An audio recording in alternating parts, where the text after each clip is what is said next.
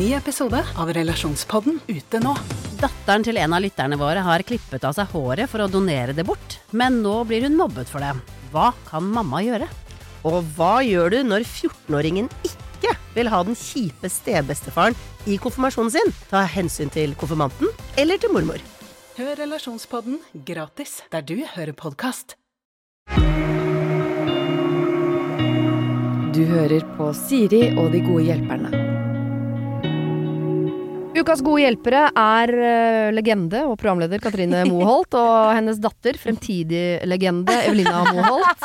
Katrine kjenner som programleder i en rekke programmer. Eh, mange år med Jakten på kjærligheten, Allsang på grensen, Skal vi danse, og nå lager du altså Familiekoden på TV 2, som kommer da i januar. Evelina, du er eh, artist. Jobbet masse som skuespiller. Eh, og så er du nå også nyutdanna musikalartist. Eh, og så så vi dere sammen i eh, Forræder, den du, Hva het den? Parsesong? Duosesong? Forræder-duo? Mm, ja, det hadde vel Forræder-team? Ja, kanskje. Noe sånt. Ja. Mm. Der var dere jo uh, legendariske sammen. altså, jeg eh, sitter jo Det er jo ny Forræder i gang nå, den, liksom, den uh, andre versjonen av Forræder. Uh, og jeg har sittet da både på første sesongen, deres sesong, og den sesongen går nå, så sitter jeg jeg lurer på hvorfor jeg syns det er så spennende. Mm. Og jeg klarer ikke å analysere meg fram til hva er det som gjør at jeg må se dette TV-programmet? Men jeg må se det. Jeg klarer ikke å slutte å se det. Har dere noen teorier? Kjempegøy. Altså, det, er- det er jo fordi det er spennende å være i et spill. Alle syns jo det er spennende å spille spill. Og, og vi, vi elsker å spille spill sånn, ikke sant, hjemme. Ja. Eh, og her fikk vi altså lov til å spille et spill 24 timer i døgnet. Vi bodde i spillet, dag. Vi bodde i spillet. Ja. Men hvorfor er det gøy å se på? For jeg er helt enig, det er gøy å spille spill, men Ja. hvorfor er det gøy å se på? Det er jo kanskje også fordi at man eh, liker å se andre mennesker live, da. Se om de klarer det. Altså, Ja. Gjennomskue folk. Hvordan takler folk å, å spille det skuespillet? Det er kanskje det som er morsomst. Hvem Ja. klarer, er det noen som røper seg nå? Hvordan eh, takler de andre det når de ser det er, Rollesalen er det mest spennende når man skal få avslørt en rolle. Hvordan er reaksjonene? Ja. Så det er jo Og så sitter det, du som seer og vet noe som ikke de som er i spillet, vet. Ja. Ikke sant? Ja. Det er jo det som er så spennende. At du, du sitter og sier hvor dum går det an å bli? Tenk at han ikke skjønner det. Ja. Fordi du ser at det er på en måte Det er jo også klipt sånn at seeren forstår det godt. Ikke sant? Men vi som er der inne og Skjønner lever sammen Nei, det gjør vi virkelig ikke. Men å leve sammen, så er det helt umulig. Det er jo ingen som gir oss noe hint eller tips. Altså, vi bare Vi snakker med deg, og vi snakker med deg, og vi snakker med deg, og vi skjønner Altså Ja, altså Når proffdanser Tarjei eh, Svalastog snur på slutten der av deres eh, sesong og gjør altså en bommert som gjør at han, dere ikke vinner, at, ikke liksom de, at forræderen vinner Der har jo dere en felles greie. Dere har vel blitt irritert på han Shit, eh, altså. nye Skal vi danse? Nei, Tarjei er et av de menneskene jeg har møtt som irriterer meg minst, faktisk. Eh, Vi var irriterte sammen mot eh, andre som kan få bli eh, navnløse. Ja. Ja, apropos Tarjei, eh, ser dere på Skal vi danse nå, eller er dere altså så ferdig Eller Nei, er det kjærlighetssorg å se på, eller hvordan er det? Nei, absolutt ikke. Vi heier og ser på. Jeg syns det er kjempegøy. Ja. Samtidig som jeg nyter å ha helgefri for første gang på tolv år. Mhm. Så syns jeg jo det er helt nydelig. Og apropos det vi snakker om Ja, nå snakka vi om det sist vi snakka sammen. Ja. I forhold til det med tid og tidsbruken med barna våre. Så syns jeg det er helt nydelig nå å kunne ha lørdag og fredag. Og Ja. ikke være sliten på søndag med Sofia. Hun er ti år. Ja. Livet går så fort. Så jeg syns det bare er gøy. Og heier på alle og Du får ikke lyst til å blande deg og sende en liten melding til sånn Nå må dere Den overgangen der var ikke helt Nei, eh, nei da, nei da. Nei, da. Nei, bare, Sofia sa det her en lørdag at eh, å, man må tenke at vi ser på Skal vi danse sammen. Ja. Og det syns jeg det sier bare alt. Ja. Og du da, Evelina, kunne tenkt deg å være med sjøl, eller? Ja, absolutt. ja, det er jo egentlig drømmereality-programmet mitt, tror jeg. Ja. Hvem vil du danse med? Åh, det veit jeg ikke. Det er vel ikke hipp som happ. Jeg har jo bare lyst til å være i den bobla, jeg. Ja. Danse og trene og ha på kostyme og alt det glitter og glammet, liksom. Det, Ja. det ser jo så gøy ut. Jeg ser for meg at det skjer en dag. Ja. Er Ligger ikke det litt i kortet? Det hadde vært gøy, det. Håper det, altså. Krysser fingrene for det. Mm. Ok, vi skal i gang med problemer. Mm. Fem problemer på rekke og rad. Mm. Og det første er egentlig et litt hyggelig problem. I hvert fall halvparten av det. Ja. Hmm. Jeg er en kvinne i midten av 30-åra. Har to små barn med mann i mitt liv. Vi har vært sammen i ni år nå i høst, og jeg vil gifte meg, men har kanskje alltid sett for meg at det er mannen som skal fri. Det har han ikke gjort.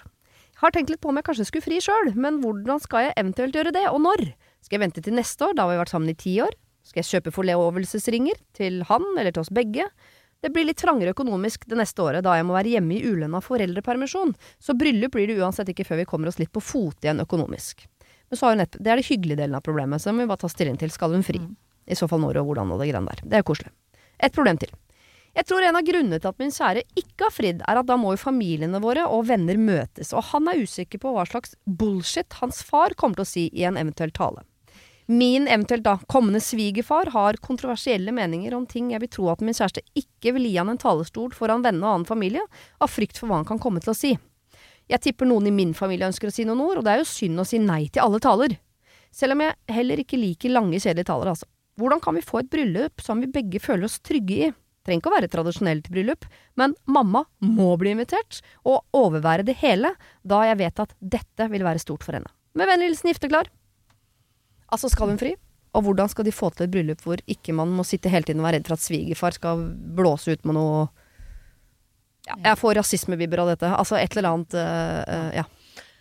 Eh, Jeg tenker jo selvfølgelig skal hun fri, og nå har de jo barn, så kan jeg gjøre noe morsomt ut av det. Lage et morsomt frieri med de barna. At de kan på en måte være en del av det og overraske pappa med det. Altså, det tenker jeg kan være noen Ja. morsom ting. Og så lever vi jo i 2023, så det må ikke være mannen som frir. Men hvis det er det hun ønsker, så kan man jo hinte til det og snakke om et drømmebryllup som ikke nødvendigvis trenger å være tradisjonelt og stort. Man kan dra til utlandet, man kan ha en hyggelig seremoni seg imellom med familien. Mm. Eh, jeg tenker jo ting kan løses, eller så kanskje man må ta seg en liten prat med, med far, da. Ja. Hvis man kan ha muligheten til det. Mm. Og være ærlig med familien sin eh, om dette her. At, at det er litt viktig at ting blir gjort på en ordentlig måte hvis det skal holdes halve. Men tenker du da kanskje ja, fri, da, og så tar vi det problemet Ja, seinere? det, det er hyggelig å være forlova, da. Ja. Det er jo på en måte et tegn på at det er også Man trenger jo ikke å gifte seg med en gang heller. Om det tar ti år før man gifter seg, så er det jo bare hyggelig å ha den ringen på fingeren for å Mm. Ja, jeg tenker kjør på og fri sjøl. Det tenker jeg i hvert fall er helt fin på noe morsomt som, som funker for deg, Mm. og som er en del av drømmen din. Og, og tenk at det behøver ikke være mannen som skal fri. For ofte så er det sånn at menn og gutter er jo gjerne litt treigere på sånn, og dem er gjerne fornøyd med situasjonen som de er. Det gjelder jo om du har lyst på et barn til. Altså, menn er fornøyd med situasjonen akkurat som man er, den. Mm. Eller de. Og da tenker jeg at da kjør på. Hvis du har lyst til å, å planlegge bryllup og sånn, så kan hun fri. Eh, og når det gjelder den faren til eh, mannen hennes, så tenker jeg eh, Hvis man klarer å vri det bare litt sånn humoristisk, og at man kan snakke litt om det innad i familien. At du, han faren min, han er sånn og sånn. Det kommer sikkert til å bli en veldig artig tale. Men det går jo ikke utover eh, dem. Altså, jeg, jeg sånn, jeg tror vi må prøve å fjerne oss litt fra om du har en gæren far eller en gæren mor, så definerer jo ikke det deg. Nei, det har man en tendens til å tro. At Ja, det blir flaut man for liksom meg sånn at han er sånn. Ja, jeg, ja. Men jeg, jeg er meg uavhengig av hvordan foreldrene mine er. Mm. Ikke sant? Altså det, at, vi, at vi kan prøve å stå litt tryggere i det, tenker jeg da. Og at hvis de har lyst på et stort familiebryllup med alle, så klart de må be han faren òg. Og så er jeg enig med deg, så får du snakke med han faren om at pappa, jeg, den, hvis du skal holde tale i vårt bryllup det, det er veldig viktig for meg at ikke du begynner å snakke om politikk eller altså, Vil ikke ha med dine meninger inni der. Kjempekoselig hvis du holder tale, men, men hold meningene dine for deg sjøl. Og Ja, så man kan legge litt føringer. ja, det tenker jeg absolutt. Nå er det jo vanskelig å vite hva slags forhold de har til den pappaen. Ja. Men også i verste fall så tenker vi så får han stå der, da. Og, og da, den han driter ut, er jo seg sjøl hvis det kommer noe rart der. Så får alle gjestene sitte litt sånn, og så er han talen sendt og glemt, og så går man videre. Det er jo Ja. synd at faren skal begrense en sånn hyggelig ting som skjer mellom to mennesker som elsker hverandre. på en måte Så det, jeg tror det er viktig å ta den praten, jeg. Ja, jeg vet at en løsning eh, eh, mange kjører når de er nervøse for akkurat disse tingene her, eller ikke har så tette bånd til egen familie eller svigerfamilie sånn, er jo at man deler opp og har på en måte en sånn seremoni kanskje med de, og så har man fest med venner en annen gang. At man, det er mange sånn, eller drar til et annet land, eller bare har forlovet. Altså, tusen eh, variasjoner av bryllup, men det virker jo som de vil veldig gjerne ha familien til bruden her. Ja, det er det. Eh, Mamma må ikke- være Og den er litt vanskelig sånn. Ja. Vi skal feire bare med min familie, ikke Ja. din. Nei, det ikke går faktisk ikke. ekskludere familiemedlemmer nei, det heller. Går man tenke at sånn er familien, og dette kan bli kaos, eller så kan det bli hyggelig, og man drikker sammen, og så blir man kjent på den måten der, og så plutselig blir det noe positivt ut av det òg. Så får man bare Ja. Det er ingen som vil ødelegge noe bryllup heller, føler jeg. Nei, men det er jo håper jeg man svelger noen kameler der, altså. Ja. Men det er jo øh, Det er ikke nødvendigvis sånn at far her går inn for å ødelegge, men det er jo noen når man har Hvis man har noen litt kontroversielle meninger, så mener man jo at det man mener er riktig, Ja, og det det burde alle andre mene også.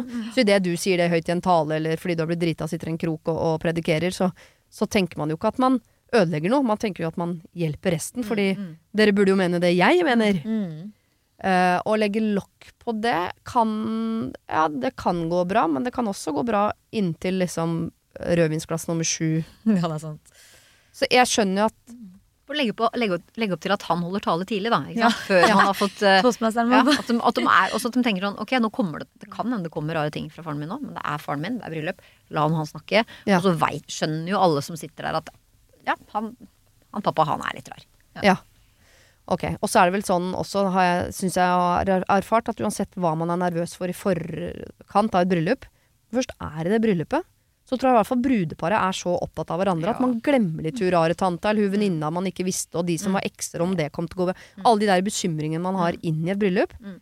de forsvinner litt Mm. Ja. i det bryllupet. Mm. Så øh, jeg tenker som dere, fri. Mm. Det er ikke noe vits å vente til det der ti år. Eller hvis symbolikk Nei. er viktig for deg, så gjør du det. Bruk Ja. ungene, lag noe gøy. Ja. Eh, og så tar dere den tida fram mot det bryllupet. Det virker jo som det uansett må gå litt tid.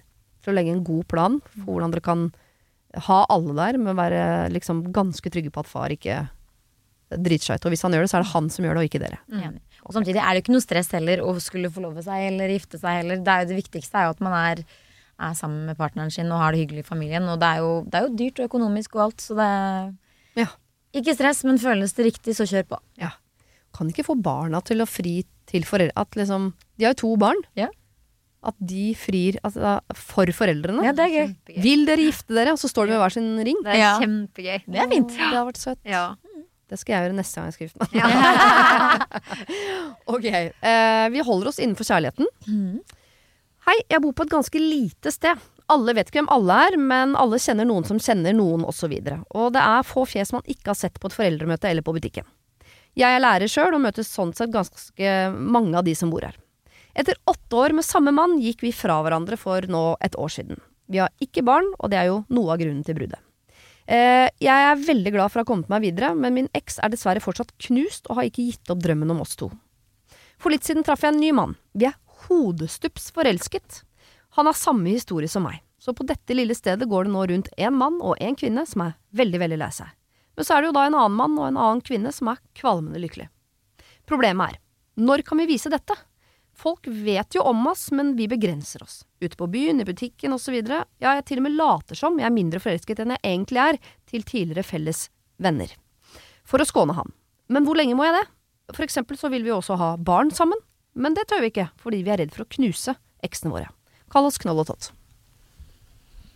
Jeg tenker jo at er god gammeldags folkeskikk. Ja. Jeg syns det er bra ja, at de ikke på en måte nødvendigvis sier hele storyen til felles venner og sånne ting. Men jeg syns jo ikke at det skal begrense dem. Men jeg tenker her igjen, da. Eh, legg ikke ut masse bilder av eh, happy ting på sosiale medier, da. Det er jo Skal man ikke det? Nei, jeg syns ikke de trenger det da.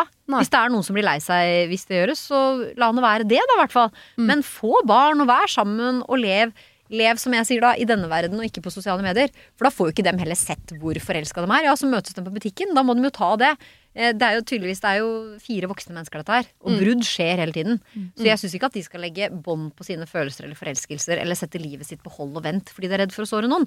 Men jeg tenker at møtes de da på et foreldremøte, eh, så trenger jo ikke de å sitte og holde rundt hverandre og kile hverandre og sitte sånn på det foreldremøtet. Nei. Da, da går det an å Klining på foreldremøtet er vel- det er, Ja, du pleier ikke å gjøre det. Nei, det er det, det, er det veldig lite av, tror Men jeg. jeg tenker sånn, Eller 17. mai, da, hvis de feirer på felles skole, sånne ting.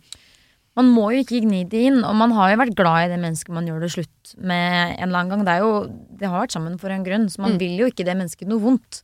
Uh, samtidig som jeg er helt enig i det du sier med at uh, man, hvis man nå er lykkelig i det, så skal man jo stå i det og ikke la fortiden være en begrensning, på en måte. Mm. Uh, men det er en balansegang, og jeg er helt enig med, med at det er jo folkeskikk at man trenger ikke å, å gni det inn med en gang nødvendigvis, når man vet at det er veldig ferskt og sårt for den andre parten. Men det har gått et år, da, og, tenker, og det høres ikke ut som det var noe stygt brudd heller, så det er ikke sånn at noen har gjort noe gærent. De har gått fra hverandre fordi det forholdet var liksom over. Mm. Og jeg, tenker, jeg er enig, man skal ikke gni det, man trenger ikke og, og man må ikke begynne å kline i fruktdisken på Kiwi liksom, idet eksen kommer inn. Men i forhold til sosiale medier, bare, da ville jeg jo følt at å ja, så jeg må holde det jeg driver med Ja, nå litt Ja, ja, det er sant. Ja, for, da, ja, for, for du sa et år. Jeg, jeg fikk det ikke med meg at det var et år. Ja, nei, da tenker jeg at da har man gått videre. Ja. 100% Og jeg, vet, jeg, det trenger, jeg trenger ikke å være et år heller. Men, men det er jo tydelig at siden de tar opp det som et, et problem, så er det jo noe de går og tenker på. Og, hvis, og, og hvis de da føler på det det er da jeg tenker at igjen, sosiale medier Du, du, du er like lykkelig altså, om du ikke legger ut alt som skjer på sosiale medier. Ja. Kanskje til og med lykkeligere. Men så er bare- det for den andre, den nye kjæresten igjen nå, da. Syns jo det kanskje er hyggelig å vise fram den nye Mm, kjæresten sin nå. Når man er i et nytt forhold, så er man Mm. jo stolt av den nye, nye kjæresten når man liksom Ja. Ja. Altså, jeg opplevde noe eh, lignende for noen år siden i en vennegjeng hvor en har gått videre og la ut bilde av seg og ny nye typen på en, eh, hvor de kyssa og sånn. Hvor hun altså fikk så mye kjeft over at hun kunne være så lykkelig på, eh, på sosiale medier når eksen var lei seg. Tenkte sånn Ja, men skal hun gå rundt på en strand med ny kjæresten sin og tenke på hvordan det er å være eksen? Jeg, jeg, jeg sier ikke at man ikke skal tenke på andre mennesker, men på et eller annet tidspunkt så har man jo enig med at vi må gå videre, og kanskje er det nettopp hvis du går et år og fortsatt tenker at det skal bli oss to igjen, og den ene er helt sånn Nei, det skal det ikke, for jeg har fått meg ny type, og vi skal ha unger og Så kanskje det er nettopp det derre eh, bildet på sosiale medier om at eksen din har gått videre og er virkelig lykkelig og på et nytt sted. Kanskje det er den du trenger for å skjønne at du skal gå videre sjøl. Ja. Du må jo drepe det håpet om at det skal bli de to igjen. Men det blir ikke de to igjen. Absolutt, altså. Det, jeg tenker jo det. Men, men igjen da, så tenker jeg det der med, med sosiale medier. Så legger hun ut det bildet. Så tenker jeg, nå, nå vil jeg vise at jeg har gått videre. Jeg legger ut det bildet med oss to. Eh, og så hva skjer da? Så får jeg masse tilbakemeldinger på at noen syns det er gærent. Eh, så får du angst og sånn for den gud, om jeg skulle jeg ikke gjort det. Det, det er det jeg mener. Hvis du legger ut minst mulig på sosiale medier, Ja så lover jeg deg at livet ditt blir så mye mer eh, avbalansert. Ja. Det er så mye mindre ting å forholde deg til. Eh, Så, men altså, er- folk lever jo på sosiale medier nå, og det er jo sånn som vi har snakka om, at eh, hvis ikke det ligger på, på Instagram eller på Facebook, så har det ikke skjedd. Ikke sant? Jeg har vært på en fantastisk reise, og hvis ikke jeg har lagt ut det, så er det nesten som om den reisa ikke har skjedd. Mm. Eller man mislykka. For jeg har Ja, ikke et ja, fint bilde av det. jeg har ikke delt det der der. Jeg er helt enig. Man trenger, man, det, eh, du trenger ikke det på, eh, på sosiale medier, men f.eks. at hun later som hun er mindre forelsket enn hun er til tidligere felles venner. Det, da er legger man jo et bånd ja. på, uh, på den kjærligheten man føler. Det er jo litt dårlig for den nye partneren nå. Ja. At den, det tidligere forholdet skal begrense så mye. At man ikke går er like investert i det nye, da. Mm. Og viser det overfor andre venner og ja. Men jeg syns det er så synd at vi hele tida skal være så opptatt av hva alle andre syns og mener og tenker. Jeg tror jeg er litt sånn der, prøv, prøv å forholde deg til deg selv og ditt eget. Og hvis, så lenge du og han nye veit at vi er så forelska, vi. Mm. Ha nå det for dere sjøl, da. Altså sånn, ikke, og, så, og så selvfølgelig vis det. Men, men det, det at dere veit det. Ja, om, om du sier holde. til venninna di, felles venn, at liksom, jo ja, vi er fredelige, det går fint, vi har det bra, vi. Om du ikke liksom maler det ut der, gjør det ikke noe om du ikke gjør det, så lenge du vet at vi to vi er så forelska, vi har det så bra, vi. Ja. Og har man lyst til å vise det for hele verden, og sånn, så, så ja, så kan man jo gå ut og spise på rang og være ute og være kjærester sammen, men jeg tenker at det ja. Kanskje man skal kjenne litt på hvorfor gjør jeg hvis, eh, hvis man viser den forelskelsen, eller snakker om den forelskelsen, om det er på Kiwi eller sosiale medier eller til venner eller hva det er, fordi man ikke klarer å være å vise den forelskelsen, så tenker jeg kjør på. Men hvis du viser den fordi du har lyst til å vise fram 'se på meg, så lykkelig jeg er', så tenker jeg det trenger vi ikke. Nei, det er ikke så viktig. Nei, og så tenker jeg Dette her er- høres ut som veldig gode mennesker som enda etter et år eh, vil være hensynsfulle overfor eksene sine. Det er jo Mm. mange som tenker at det er en eks, nå driter jeg i det. Det det er jo tydelig at de tar opp dette som et problem fordi de har ikke lyst til at de skal gå og være lei seg. Nei. Så det er jo en pen tanke. Og Men det, samtidig hvor hvis en eks har gått videre, da blir man noe mindre lei seg over at den eksen har gått videre med en som man er bare litt forelska i, enn en Nei man er kjempeforelska i. Kan jo like seg vise Ja, hele spekteret. Ja da. Ja. Det er sant, det, altså. Ok, så vis det gjerne fram, men ikke bare vis det fram for å være dust. Folkeskikk. Folkeskikk. Folkeskikk, og slett. ok, nå skal vi til den aldersforskjellen som jeg Ja. nevnte Det er tidligere her. spennende. Det er Um, veldig spennende. Denne uken har eh, Siri og De gode hjelperne et samarbeid med utstillingen The Mystery of Banksy, A Genius Mind. Den utstillingen kan du se på Økernsenteret i Oslo helt fram til 16. juni. Til eh, tross for at Banksy er verdens mest kjente gatekunstner, så er han samtidig også helt anonym. Det er ingen som vet hvem han er, og en av grunnene til det er at han er etterlyst for vandalisme. Kunsten hans er ikke på utstillingen, det er altså 200 reproduksjoner utført av andre gatekunstnere du kan se på Økernsenteret. Og siden han er så anonym og utilgjengelig, så er det også umulig å få en godkjenning av utstillingen av Banksy selv, men folka rundt Banksy, som kaller seg Pest Control, de gjør kontroller og sier ifra hvis det ikke er godkjent. Og det har de ikke gjort her, og utstillingen er derfor å anse som godkjent. Og jeg tenker at eh, Banksy høres ut som en litt sånn eh, kul fyr, selv om jeg vet jo ikke hvem han er. Jeg bare ser hva han skaper. Eh, og jeg merker at jeg, liksom blir, jeg blir nysgjerrig på han. Jeg husker en tidligere sjef jeg hadde, fortalte meg at Siri, de som hører på deg på radio, de må enten ha lyst til å bli sammen med deg, eller så må de ha lyst til å være vennen din, eller i hvert fall gå på fest sammen med deg. Da lytter de. Eh, jeg vet ikke om jeg har så veldig lyst til å bli kjæreste med Banksy, vanskelig å si, men eh, det hadde definitivt vært veldig gøy å gå på fest med han eller ha han som venn, bare for å høre litt mer om eh, hva som bor inni det kunstneriske hodet hans. Kjøp billetter til utstillingen på mystery-banksy.no. Her kan du også lese mer om utstillingen. Bruk kodeordet Siri, velg tidsbestemte billetter på hjemmesiden, og få billetter til kun 250 kroner. Koden gjelder til og med 31. mars. Har du et problem og trenger hjelp, ja, så sender du det til meg. Da bruker du Siri, alfakrøll, radionorge.no. Eh, hun er bekymret på vegne av sin søster. Jeg og min søster har et problem, eller hun har et problem. Hun har en nær venn gjennom flere år som har vært gjennom et samlivsbrudd. Han har ønsket seg ut av forholdet lenge pga. dårlig kjemi. Dette paret har barn sammen. De siste årene har søsteren min, kall henne Lisa, og denne vennen, la han kalle han for Morten, fått svært god kontakt og et nært vennskap. De stiller alltid opp for hverandre, snakker til hverandre som om de har vært gift i 30 år, og har de siste åra gitt hverandre så lange klemmer at til og med vi rundt stusser og syns det kan ta kleint lang tid. Så greia er, jeg tror hun begynner å få følelser for Morten. Som hun sier, eh, har han eh, alle de personlige kvalitetene hun kan tenke seg i en partner. Men det er to problemer. Hun er redd han ikke føler det samme, og at vennskapet derfor kan ryke. Og det andre er at det er 16 år mellom dem. Hvordan kan Lisa ta opp dette med Morten, og hvor lenge skal man vente etter bruddet? Er 16 år utenkelig aldersforskjell til en livspartner? Er det håp i det hele tatt?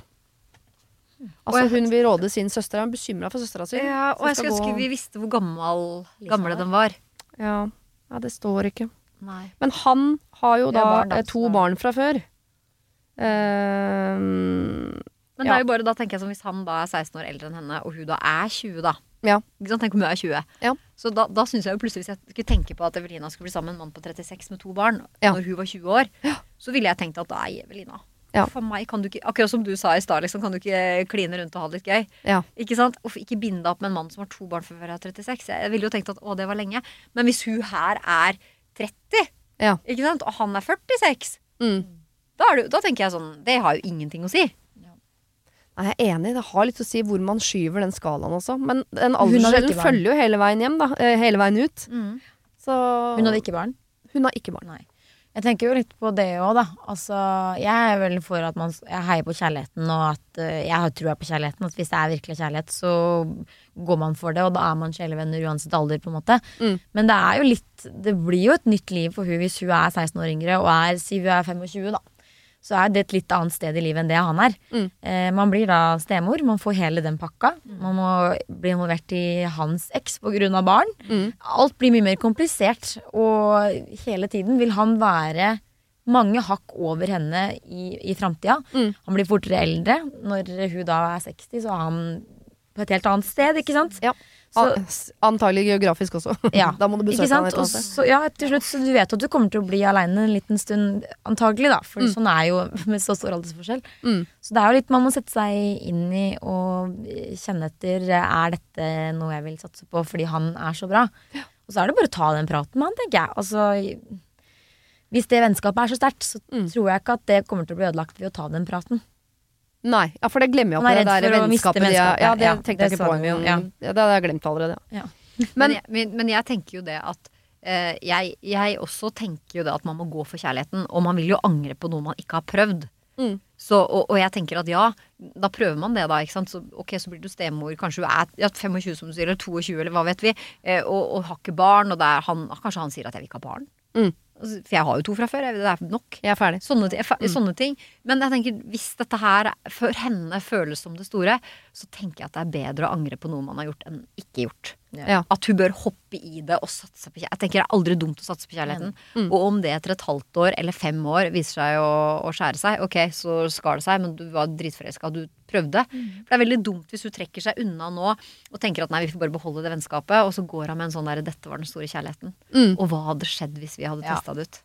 Ja, altså helt enig, så er det veldig dumt å ta valg basert på hva som eventuelt kan oppstå av problemer en annen gang. Tenk Ja. sånn, Du skal ikke gå inn i noe hvis det er vanskelig nå, men hvis du ikke går inn i noe fordi det kan kanskje bli vanskelig en gang, det er litt begrensende. Men jeg syns man i større grad her hvis man skal inn i et forhold med denne 16 års aldersforskjellen, kanskje må snakke om ting man ikke må snakke om når man er 22 begge to. Fordi man er nødt til å inngå noen kompromisser. Er du forelska nok, så kan man faktisk eh, tenke at, eh, at man er villig til å gi avkall på ting, eller at man må gjøre ting man ikke hadde så lyst til i utgangspunktet, men fordi det er så viktig for deg, så gjør vi dette, osv. Men det er noe med eh, Den aldersforskjellen kan jo gjøre at han blir yngre til sinns av å være sammen med henne. Men det kan også bare gjøre at hun blir 16 år eldre. Mm. Eh, eller at de møtes på midten. Og jeg tror man må ta den praten sånn Hvordan skal vi strekke oss etter hverandre her? Fordi jeg er 20, har ikke fått barn ennå. Det vil jeg ha. Hvis hun vil det, da. Eh, ja, men jeg er gammel, jeg har barn, så jeg vil ikke. Hvem skal strekke Hvor er kompromisset her? Hvis det er sånn at hun skal gi avkall på hele liksom, den unge delen av sitt liv mm. for å hoppe rett inn i hans godt voksne liv. Mm. Jeg sier ikke at du ikke skal gjøre det, men da, det, det vil jeg tenke litt på.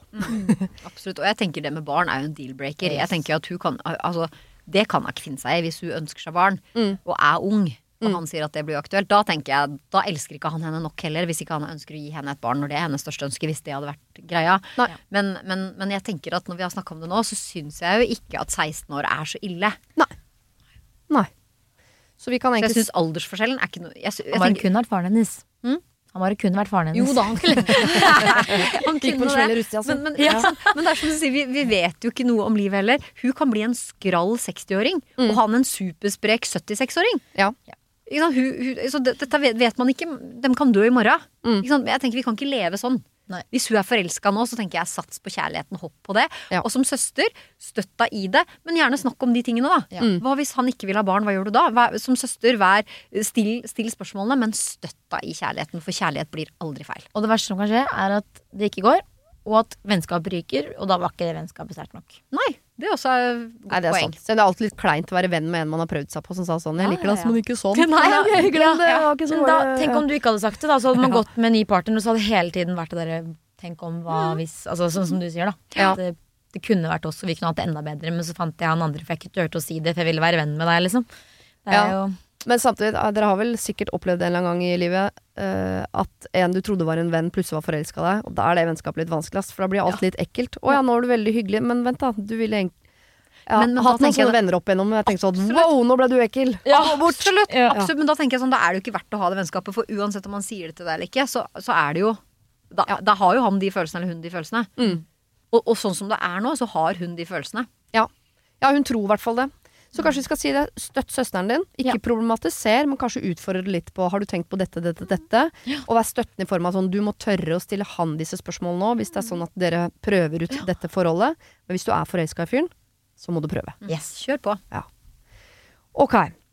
Jeg har vært eh, sammen med min samboer i tre år. I februar fikk vi vårt første barn sammen, og fram til da har ting gått relativt fint med svigerfamilien. Nettopp fordi eh, han ikke er så familieskjær person, og vi har ikke trengt å være så mye sammen med dem. Så det har gått bra fordi de ikke har vært sammen, hvis dere skjønner. Mm. Eh, nå som vi har fått et barn sammen, er det en slags forventning om at vi skal være oftere sammen. Eh, vi har jo aldri hatt mindre tid enn nå, og ukene og dagene flyr. Så når folk nå teller uker om å presisere hvor lang tid det er siden sist, så føler jeg at de skylder på oss. Men vi har faktisk ikke det behovet vi får besøk eh, og planer, for, fordi for oss så går bare livet i ett. Hun er litt irritert på en svigerfamilie som plutselig nå, etter at hun var blitt mor, er veldig på de. Så til det store problemet. Min svigersøster.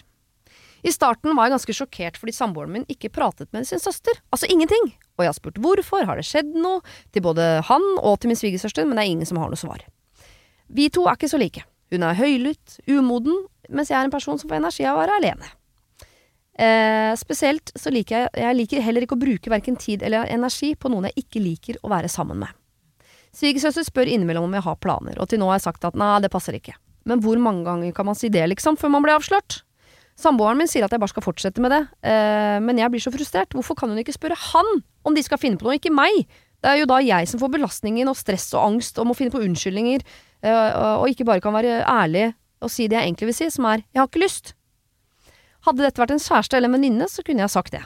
Her er det ikke så lett, på grunn av frykten for hva svigerforeldre vil tenke om meg. Så jeg aner ikke hvordan jeg skal være tydelig, men ikke frekk. Jeg har prøvd å forklare det på en fin måte, men får til svar 'jeg skjønner det, men jeg savner dere'. Jeg skjønner det, men jeg vil fortsatt møtes. Og jeg har bare lyst til å skrike tilbake 'ja, men jeg vil ikke møte deg'. Jeg har ikke noe interesse av å være eh, venninne med henne. Jeg har ikke noe interesse av å møte henne på fritiden min. Jeg skjønner ikke hvorfor jeg må ha et forhold til henne når hun ikke har et forhold til sin egen bror engang. Som på en måte er en pakkedeal med meg, da. Jeg har ingen problem med å invitere henne til dåp, bursdagsfester, jul, bla, bla, bla, bla, men jeg har ikke lyst til at vi skal være venninner. Hvordan kan jeg få henne til å forstå? Oi, oi, oi. Dette er helt uh, gresk for dere, ikke sant? I den uh, idylliske familien deres på Månelandet. Ja. Hva? Vil ikke alle bare være venner? ja. Her er jo litt sånn vanskelig fordi man, man skal jo man vil jo, jeg, Jeg som menneske jeg vil alltid være hyggelig uansett. Og jeg prøver alltid å se det gode folk.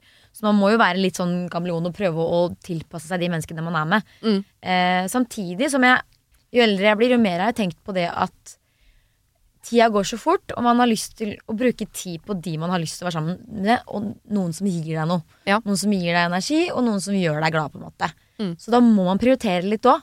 Fordi man skal være søster, man skal være mamma, man skal være venninne, man skal være kjæreste, Mm. man skal være datter. Altså, man har Det er kanskje det viktigste, og da må man på en måte prioritere.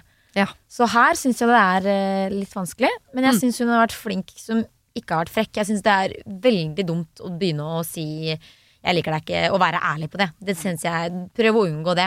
Ja, for da blir det plutselig Eh, dåp på bursdagsfeiringer og jul bitte litt kleint Man må etterpå. prøve å takle, takle svigers, Fordi det blir jo kanskje barn på hus, hus svigersøster etter hvert, og da er det hyggelig for datteren eller sønnen å få en kusine eller fetter igjen. Ikke sant? Så jeg tror det er prøv, viktig å for alles parter her prøve å være hyggelig, men på en varsom måte. Mm, og så tror jeg at jo mer konflikter du har med folk i livet ditt, fordi du liksom skal stå opp for deg sjøl og være ærlig, og jeg blir, får ikke energi av å være sammen med noen, jeg vil ikke at hun skal være venninna mi, og, og hvis du da på en måte dundrer inn med det, så, så tror jeg du sover dårligere om natta. Du, du har en konflikt, og du Oi, fikk du melding fra hun?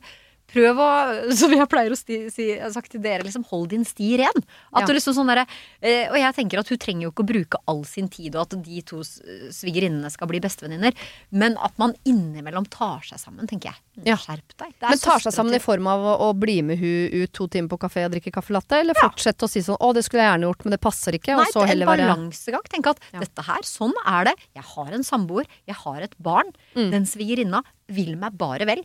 Du syns at hun er masete, du syns at hun er intens, men Mm. hun vil deg vel. Hun har lyst Altså, det er, det er en kjærlighetserklæring fra henne, selv om ikke hun liker det. Hun sier 'jeg har lyst til å være sammen med deg'. Ja. Jeg har lyst til å se niesa eller nevøen min. Ja. Kan ikke vi gjøre noe hyggelig? Da tenker jeg at hun må ta seg sammen. Folkeskikk. Så får hun innimellom ta to timer på kafé. Men hun trenger ikke å bruke hele ettermiddagen, og kanskje til og med bare en time.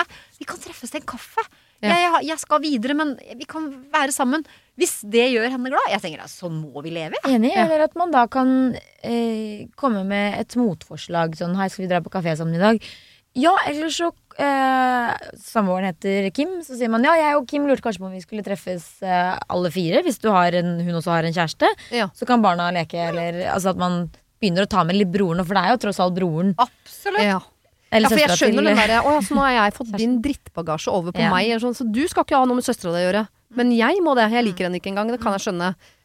At forventningen om at dere to må jo ha en relasjon, dere er søsken, men really må, må jeg, utover å være høflig i dåp og, og juleselskaper, liksom. Og det ten jeg tenker- tenker at dette skal ikke skje en gang i måneden, men at du investerer litt i å være hyggelig. Hvis Ja. det stadig vekk er. Og, og selvfølgelig, la oss Plutselig si blir man venner òg. Plutselig blir Og man venner plutselig òg. ja, altså, altså, Ja. er det ikke sånn, da? Og så tenker vi sånn Gud, jeg er så sliten, jeg har mer enn nok med meg og mitt. Jeg, og så ok, så får jeg dra ut og ta den kaffen. Nå kan jeg ikke si nei flere ganger. Og så kommer du hjem derfra og tenker fy søren, det var egentlig kjempekoselig. Ja. Egentlig så var det, når jeg fikk sitte aleine med hun, så var hun mye roligere. Og det er jo ofte sånn at når vi først gjør ting, så blir det hyggeligere. Ja. Og da, og da kan, hvis jeg sier ja én av tre ganger, da, ikke sant?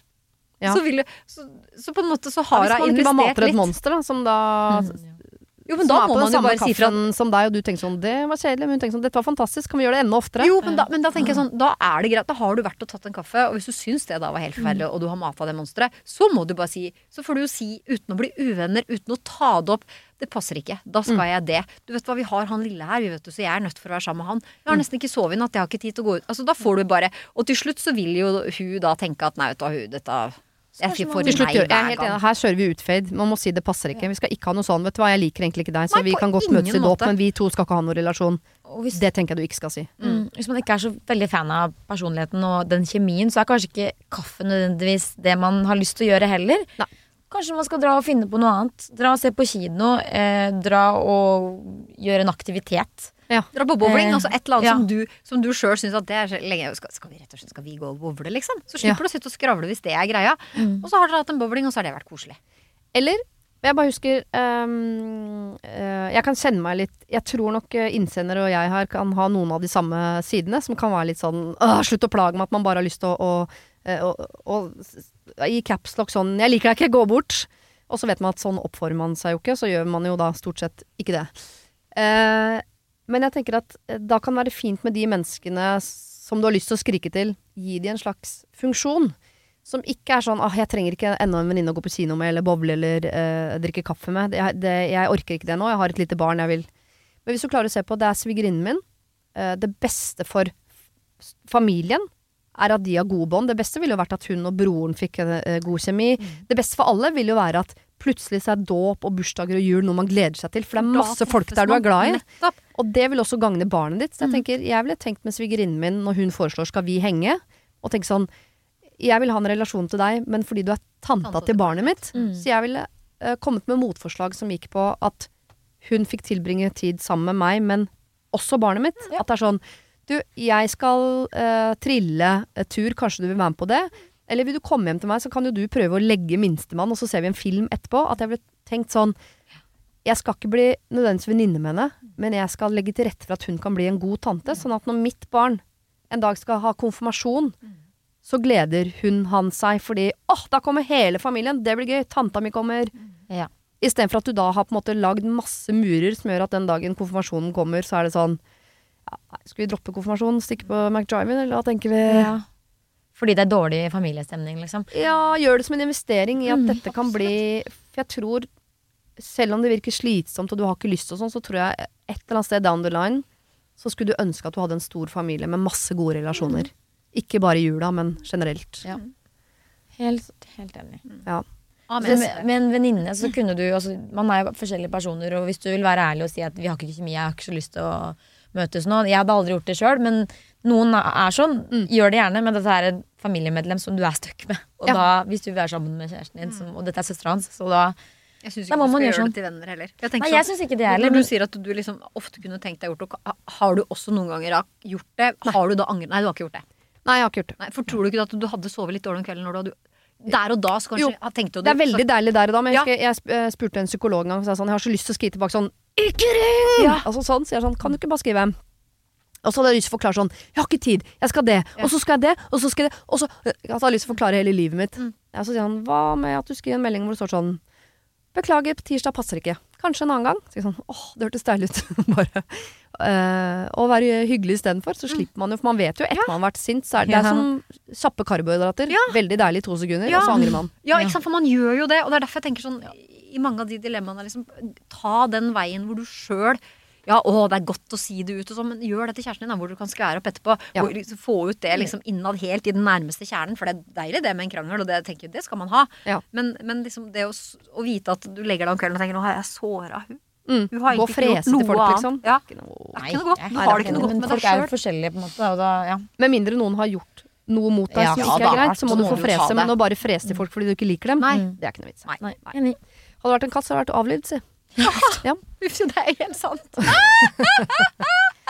Ok, Så du trenger ikke å bli venninne med svigerinnen din, Nei. men kanskje legge til rette for at hun kan bli en god tante. Ja. Enig.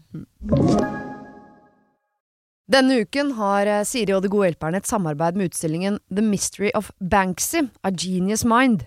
Den utstillingen kan du se på Økernsenteret i Oslo helt fram til 16. juni. Til eh, tross for at Banksy er verdens mest kjente gatekunstner, så er han samtidig også helt anonym. Det er ingen som vet hvem han er, og en av grunnene til det er at han er etterlyst for vandalisme. Kunsten hans er ikke på utstillingen, det er altså 200 reproduksjoner utført av andre gatekunstnere du kan se på Økernsenteret. Og siden han er så anonym og utilgjengelig, så er det også umulig å få en godkjenning av utstillingen av Banksy selv, men folka rundt Banksy, som kaller seg Pest Control, de gjør kontroller og sier ifra hvis det ikke er godkjent. Og det har de ikke gjort her, og utstillingen er derfor å anse som godkjent. Og jeg tenker at eh, Banksy høres ut som en litt sånn eh, kul fyr, selv om jeg vet jo ikke hvem han er. Jeg bare ser hva han skaper. Uh, og jeg merker at jeg, liksom bli, jeg blir nysgjerrig på han. Jeg husker en eh, tidligere sjef jeg hadde, eh, fortalte meg at Siri, eh, de som hører på deg på radio, de må enten ha lyst til å bli sammen med deg, eller så må de ha lyst til å være vennen din, eller i hvert fall gå på fest sammen med deg. Da lytter de. Jeg vet ikke om jeg har så veldig lyst til å bli kjæreste med Banksy, vanskelig å si, men det hadde definitivt vært veldig gøy å gå på fest med han eller ha han som venn, bare for å høre litt mer om hva som bor inni det kunstneriske hodet hans. Kjøp billetter til utstillingen på mystery-banksy.no. Her kan du også lese mer om utstillingen. Bruk kodeordet Siri, velg tidsbestemte billetter på hjemmesiden, og få billetter til kun 250 kroner. Koden gjelder til og med 31. mars. Har du et problem og trenger hjelp, ja, så sender du det til meg. Da bruker du Siri, alfakrøll, radionorge.no. Ok, siste spørsmål. Dickpics av en venn, står det her. Jeg har en liten sak som jeg trenger en uavhengig tredjepart å hjelpe meg med. Uh, tingen er at jeg har funnet meg drømmedama. Trine. Hun er eh, 95% på alle områder. Vi ble sammen i en alder av 35 og 30 år, så vi har begge en fortid, åpenbart. Vi har også to unger på hver vår front. Mitt problem er at hun som singel har kost seg veldig. I utgangspunktet noe jeg ikke bryr meg om, da jeg også har løpt litt rundt etter ti år i fast forhold. Men hun har startet vennskap med de hun har ligget med, og har også ligget med en del av venner hun allerede hadde. Eh, alt av damer jeg har rota med, har jeg kutta all kontakt med nå som jeg er i et nytt forhold. Men hun ser ikke problemet med å ha venner hun har eh, ligget med, og hun vil fortsette å ha disse vennskapene. Og gjerne være eh, helt åpen om nøyaktig hvem hun har ligget med av dem. Litt åpen type dette er da. Eh, kan få med i historien at grunnen til at det oppsto gnisninger, var når hun fikk penissnap av en god kamerat når jeg satt ved siden av henne. Han vet godt at vi er sammen, men han mente fortsatt at det var helt innafor. Jeg konfronterte henne og sa at jeg følte meg pissa på, og at forholdet vårt ble pissa på, men hun avfeide det og sa ah, typisk spøk fra han, da. Eh, denne gutten er også i et eh, forhold, men har da sendt skrytesnap av at eh, han er utro osv. til min kjæreste. Dette er jo også en eh, av de jeg vet at hun har ligget med jevnt og trutt når hun var singel. Men hun avfeier meg og sier at eh, han egentlig er en ganske grei og snill fyr, og at det er ikke aktuelt for henne å avslutte noe vennskap med han. Hva skal jeg gjøre da? Hvordan går jeg fram? Jeg liker henne veldig godt, men når fortiden hennes ikke er helt fortid, så sliter jeg med hvordan jeg skal takle det. Varsellampene klinker for full musikk, men basert eh, på eh, frykt etter tidligere dårlige forhold, eh, så tenker jeg er det det jeg har med meg, eller er det noe jeg må gi meg på her? Hilsen frustrert. Han må slå opp. Nei, Er det så enkelt?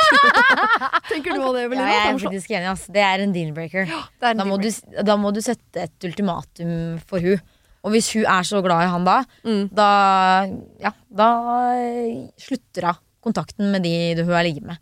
Men er det, de, eh, er det eh, dickpicsene dere reagerer på? For det ene sånn, det, må man, det er ikke greit. Men å få lov til å være venn med folk man har ligget med eh, Men må man det, da? Da har man jo hatt en liksom veldig intim greie. Ja. Har du venner, er du venner med de du har ligget med? Jeg ligger bare med folk jeg ikke liker. Altså. Det, kanskje fra mannen min. Mannen min er den eneste jeg vet om som jeg både ligger, ligger med og liker. Men hadde ikke du vært litt plaga med hvis, hvis mannen din fikk liksom bilder av eh, damer han har ligget med og hatt kontakt med de, liksom? Ja, jeg hadde sittet inne, ja. Hvis jeg hadde Ja, å, ja, ja, ja, ja, ja. Jeg må jeg ikke meg som mal i dette spørsmålet. Det går ikke bra. Nei. Jeg hadde klikka. Ja. Eh, men jeg tror ikke, for eksempel Jeg kommer fra Oslo, stor by. Ja. Her kan man unngå alle sine ekser og alle sine ligg. ja. eh, med ganske god margin. Eh, to stasjoner på T-banen, liksom, så er du på et nytt, friskt sted. Flytter til bitte lite sted som jo Son er. Jeg kan nesten ikke forvente at ikke noen i vår omgangskrets er folk som eh, min deilige lokfører på et eller annet tidspunkt har ligget med. Men jeg setter veldig pris på at han ikke har fortalt meg om det. Jeg vil ikke vite det. Du vil Og du ikke vil ikke vite det. Jeg vil ikke vite når han Nei. hilser på en eller annen Grete i fruktdisken, så, Å, det vil så, jeg. så spør ikke jeg har du ligget med henne, eller? For det vil ikke jeg vite. Oi. Oi, men, For da kan ikke vi handle på Kiwi Da kan du få veldig vonde Vonde følelser altså, da, da kan jo du tenke når dere er på butikken da han sier 'Hei, Grete, jeg skal ha fire appelsiner'. Ja, han gjør kanskje ikke det lenger, men også, så, så går du og sier Vi bor ikke på Farmen. Men så sier Og så går du og så tenker du Oi, det så ut som dem kjente Nei, men all verden. Ja, og det Kan tenkte jeg de første Ja, i ganske mange år tenkte jeg det. Helt til Føler vi ikke du at fikk du hadde eh, fått mer fred i sjela hvis du sier sånn du, har, du, har du ligget med henne? At han sier ja, jeg ligger med henne to ganger, men det, det var ingenting. Nei. Hadde du ikke fått mer ro inn i Men deg da? når du står og så, hvis, du, jeg tenker sånn, hvis partneren din har ligget med en person, og så står dere tre sammen, og så møtes dere i en sosial sammenheng, Mm. er det ikke deilig for deg å stå der og se på henne og si tenke sånn ja, jeg veit at eh, du har ligget med mannen min, og jeg veit akkurat hva dere har gjort. I smilet ditt når du hilser på henne. Skjønner du følelsen? Å nei, nei, nei. Hadde ikke litt, nei, hadde ikke det vært litt deilig, på en måte? Bare jeg vet det. Nei. Jeg er veldig fortidssjalu. Jeg, jeg liker ikke å bli sammenlignet. Eh, så for meg så handlet det om den dagen jeg fikk barn, så tenkte jeg at jeg vant. Så uansett hvem vi møter nå, hva du har gjort med de, så har jeg gjort noe mer. Ja da. Så det har jeg med meg i mitt smil til alle jeg møter. Ja, ja det er sant, det, da. Men eh, Men har ikke, du, Ja. har ikke du fortalt om, om de du har ligget med heller til Nei. han? Så de, de, de samtalene har dere ikke hatt? Nei.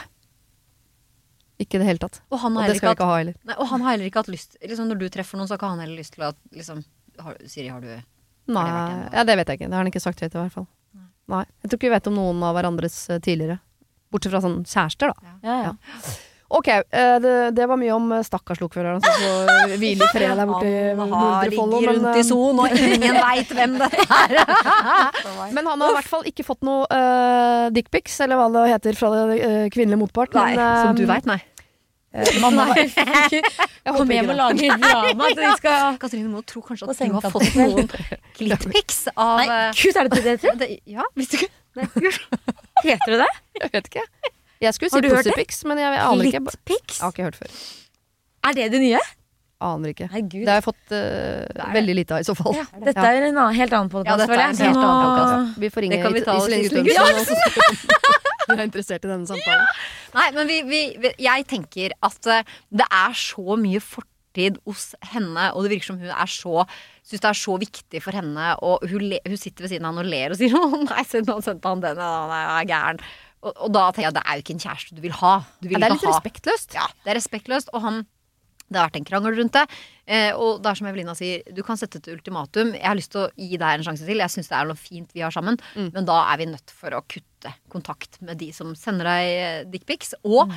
ikke minst at du jeg, jeg tenker jo at det er ikke noe godt for han at hun skal være bestevenn med tidligere kjærester og ekser. klarer ikke, klarer ikke hun det, så elsker jo ikke hun han nok, da, hvis det er så viktig med disse vennskapene her. Og det virker jo nesten som hun har et litt oppmerksomhetsbehov, kanskje, og ønsker å få han sjalu. Ja. Det virker jo nesten litt sånn. Da hadde man ikke akkurat sittet og Å, se, se på navlen til kompisen min, liksom. Det er jo ikke akkurat jeg klarer ikke å være helt om bord i skuta deres, fordi selv med min fortidssjalusi, så tenker jeg at jeg skulle ønske vi var eh, rause nok til at man kunne være venner med ekser, og venner med folk man har ligget med. For det kan jo også hende at grunnen til at hun gjør dette, er at hun er så avslappa på at dette er fortid. Null tiltrekning mot noen av disse menneskene. 100 uproblematisk for meg å være venner med disse guttene. For jeg vet at jeg er 100 forelsket i deg, og bare deg. Så om det renner inn 100 dickpics om dagen, og hva enn som måtte skje med disse folka, det interesserer meg ikke. Jeg ler meg i hjel av det. Men det det er jo også- hans følelser. Ja, Jeg men tenker da tenker jeg at hvis, hvis kompromisset hele kan, eller ultimatumet heller kan gå på For jeg, jeg syns det er mye å be om sånn, du får ikke lov til å være venn med vennene dine lenger. Hvis hun i sitt hjerte vet at dette er bare venner. Ja, jeg har ligget med dem, men det er nesten litt tilfeldig. Det er bare venner. Ja. Så syns jeg det er litt mye å be om at du, du må dumpe vennene dine for meg.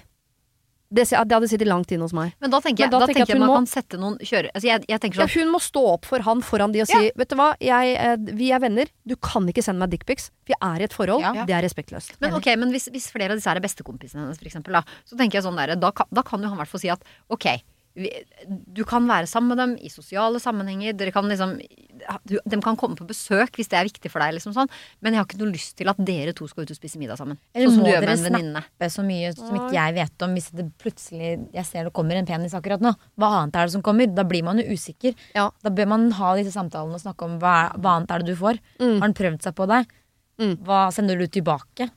Det er jo veldig mye utroskap ute som man ikke veit om, som, er, eh, som går gjennom telefoner og på møter og, og alt. ikke sant? Så man kan jo aldri vite. Nei, og jeg, jeg, jeg kjenner at jeg er enig med dere på sånn. Jeg hadde hatt problemer med at min mann var venn med en eks. Det, må jeg- det må jeg bare dessverre innrømme. Men jeg skulle ønske jeg ikke hadde det. Fordi jeg Man er jo Det er jo det som er vanskelig. Man er jo trygg på hva man selv kjenner. Så jeg vet jo hvem jeg ikke er tiltrukket av. Ja. Men jeg kan ikke overbevise mannen min om det. Det kan jeg jo si hundre ganger, men det trenger jo ikke å være sant. Nei. Det er jo derfor det, det er lett for meg å være venn med en eks. Fordi jeg vet at jeg ikke er tiltrukket av han. Du vet Men jeg kan ikke 100 vite at mannen min ikke er det av sin eks som han er venn med. Det Det, er var jo en gang at man var tiltrukket av hverandre. Det var jo en gang man lå sammen og syntes at det var ålreit. Det var en tiltrekning der, uansett hvor mye man hater personen, på en måte, så har det jo ligget med, på en måte. Ja. Men så tenker, jeg, så tenker jeg så er det jo livet sånn at La oss si at det var en på jobben, da. Så, så, så tenker jeg sånn, hun kan jo ikke på Eller han kan jo ikke Si for, forlange at liksom, Flytte, si opp jobben. Nei, din, din nærmeste medarbeider og, og gode kollega har du ligget med, da må du si opp Der tenker jeg, det går ikke Ja, an. Men jeg tenker det er jo det derre Men jeg kan, jeg kan tenke at han kan si at du må slutte å snappe med de gutta. Ja, eller i hvert fall, de her må finne en måte å ufarliggjøre de relasjonene på. Om det er at han blir bedre kjent med de, at han ser at hun sier fra tydelig til de 'Dette kan dere ikke gjøre lenger, for jeg er i et forhold, det er ubehagelig, det er respektløst'. Jeg bare tenker at han, hun må gjøre en jobb eh, for å få han til å føle at 'nå har du valgt meg'. Ja. Fortiden din er fortid. Men at hun skal liksom dumpe alle vennene sine, det syns jeg er mye å be om, altså. Faktisk. Men ikke alle, da. da er det jo, jeg håper ikke hun har ligget med alle vennene sine. Så tenker jeg sånn, da har du sikkert mange andre gode venner òg. Ja. Så da er det jo litt sånn, ja. Ja, Velge men- de vennene som gir deg noe. Men det er tydelig at han er sjalu. Ja. Ikke sant? Og, det, og det vil jo si at dette vil da være et problem resten av deres forhold. Også hvis de klarer å, eh, sette disse retningslinjene i forhold til hvordan de relasjonene skal være. Og sier ok, du får være venn med dem. Du, ikke sant? Men det vil jo hele tida være Å ja, traff du han der? Hva snakka dere om? Ja, og var dere der? Det vil jo bli en, dette vil jo bli en greie i deres forhold hele tida, så lenge han er sjalu, som han tydeligvis er. Ja, med mindre han er sammen med de så mye at han ser at dette er jo bare en vennerelasjon. Ja. Ja, Og da må du inkludere sånn Ja. som hun gjør. Og hvis det er hennes måte å inkludere på, bare vise sin 'nå fikk jeg dette dickpicet her', liksom. Da er jo det Og du er, det er veldig viktig for meg å være venn med han. Snakk om alt som har skjedd. Inkluder han i eh, en middag. Altså Jeg skal vise deg, se så trygt det her er. Det er ikke noe mer, liksom. Men uh... Og det er jo mange som har, uh, har ekskoner. Altså, man har barn sammen. Og at liksom sånn Vi feirer jul sammen alle, vi. Ja. Ekskona mi og jeg og nye kona og da er det felles ofte barn. og og sånn som er involvert. og Da syns jeg det er noe annet. Absolutt, det er jo noe annet, men la oss si kjæresten din i Son da, hadde Mm. hadde hatt en ekskone med et barn, og han ville gjerne inkludere. Du hadde jo sittet på julaften og hatt en klump i magen, for du visste at de to har ligget sammen. Det- Men så på julaften nummer tre-fire så vil man antageligvis erfare at for en berikelse at alle vi kan være sammen. Helt klart. Så Og, det, og det det beste jo for ungene. ja. Men, men, den, men klumpen inni deg, hvis man er, som du sier, du er sjalu på fortid, Mm. så vil jo det være en sånn Dere har, hatt, dere har vært sammen, dere har levd et liv før meg. Mm. Jeg vil at du bare skal ha levd ditt liv med meg. Ja. Ikke sant? Det er jo det man Man vil jo det, men det går jo ikke. Jeg tenker til han her, jeg skulle ønske vi kunne snakke direkte til henne. Altså sånn, Nå må du stå opp for typen din og vise at det er han du virkelig elsker. Eh, og hvordan du gjør det, det skal ikke vi legge oss opp i. Det betyr ikke at du ikke kan ha venner, men det betyr at du må sette noen ganske tydelige grenser som gjør at han føler at han er eh, prioritert, og han er liksom kjæresten din. Eh, men hvordan han skal få til det, nei, det, ja, det er vel kanskje det der ultimatumet, da. Må, må snakke med henne om hvordan du, du føler deg når hun holder på som hun holder på. Hvor viktig er dette vennskapet med han som sender deg bilder av pikken sin, liksom? Ja. Det, mm. Og så tenker jeg også det der med, med det han sa om at han hadde sletta alle de han hadde Han hadde ikke noe kontakt med. Så dette blir jo litt skeivt. Ja. Ikke sant? Mm. Han ville gjerne investere i henne, så han har sletta alle han har hatt et forhold til, og alt det han sletta. Mens hun vil ha Så det blir jo på en måte forholdet det- Starten på dette forholdet er jo så skeivt fra før. Ja. Man føler jo da, som den, han personen som har sletta alt av sitt, så føler man vel kanskje at å, du vil ha en fot innenfor det tidligere tilfellet skal skjære seg, eller er du ikke helt investert? Man vil jo tenke alle de tankene. Ja, ellers så kan det hende at han bare har ligget med idioter litt sånn her og der som Ja, han ikke ja. kjenner, mens hun har ligget med folk innad i en vennegjeng som på en måte fortsatt er der, som hun Ja, ikke helt kommer seg bort ifra, da. For det virker jo som hun også har ligget med folk som hun var venn De er en vennegjeng, og så har hun ligget med tre av de gutta Ja, mens da hun blir var det singel. vanskelig. Ja, Skal du dumpe hele vennegjengen, da, eller? ja, det er det. Nei, dette her tror jeg dere må jobbe dere gjennom. Jeg tror ikke du kan forvente at hun skal eh, liksom kutte ut alle vennene sine. Men noe dickpics skal hun vel ikke ha. Nei, på ingen Og kommuniser, det er det viktigste. Ja, og hvis for å- hun er veldig sånn uh, utadvendt da, på, Ja. på også det seksuelle, og han er veldig sjalu, så tenker jeg det er ikke sikkert det er en god match. Nei, det kan hende.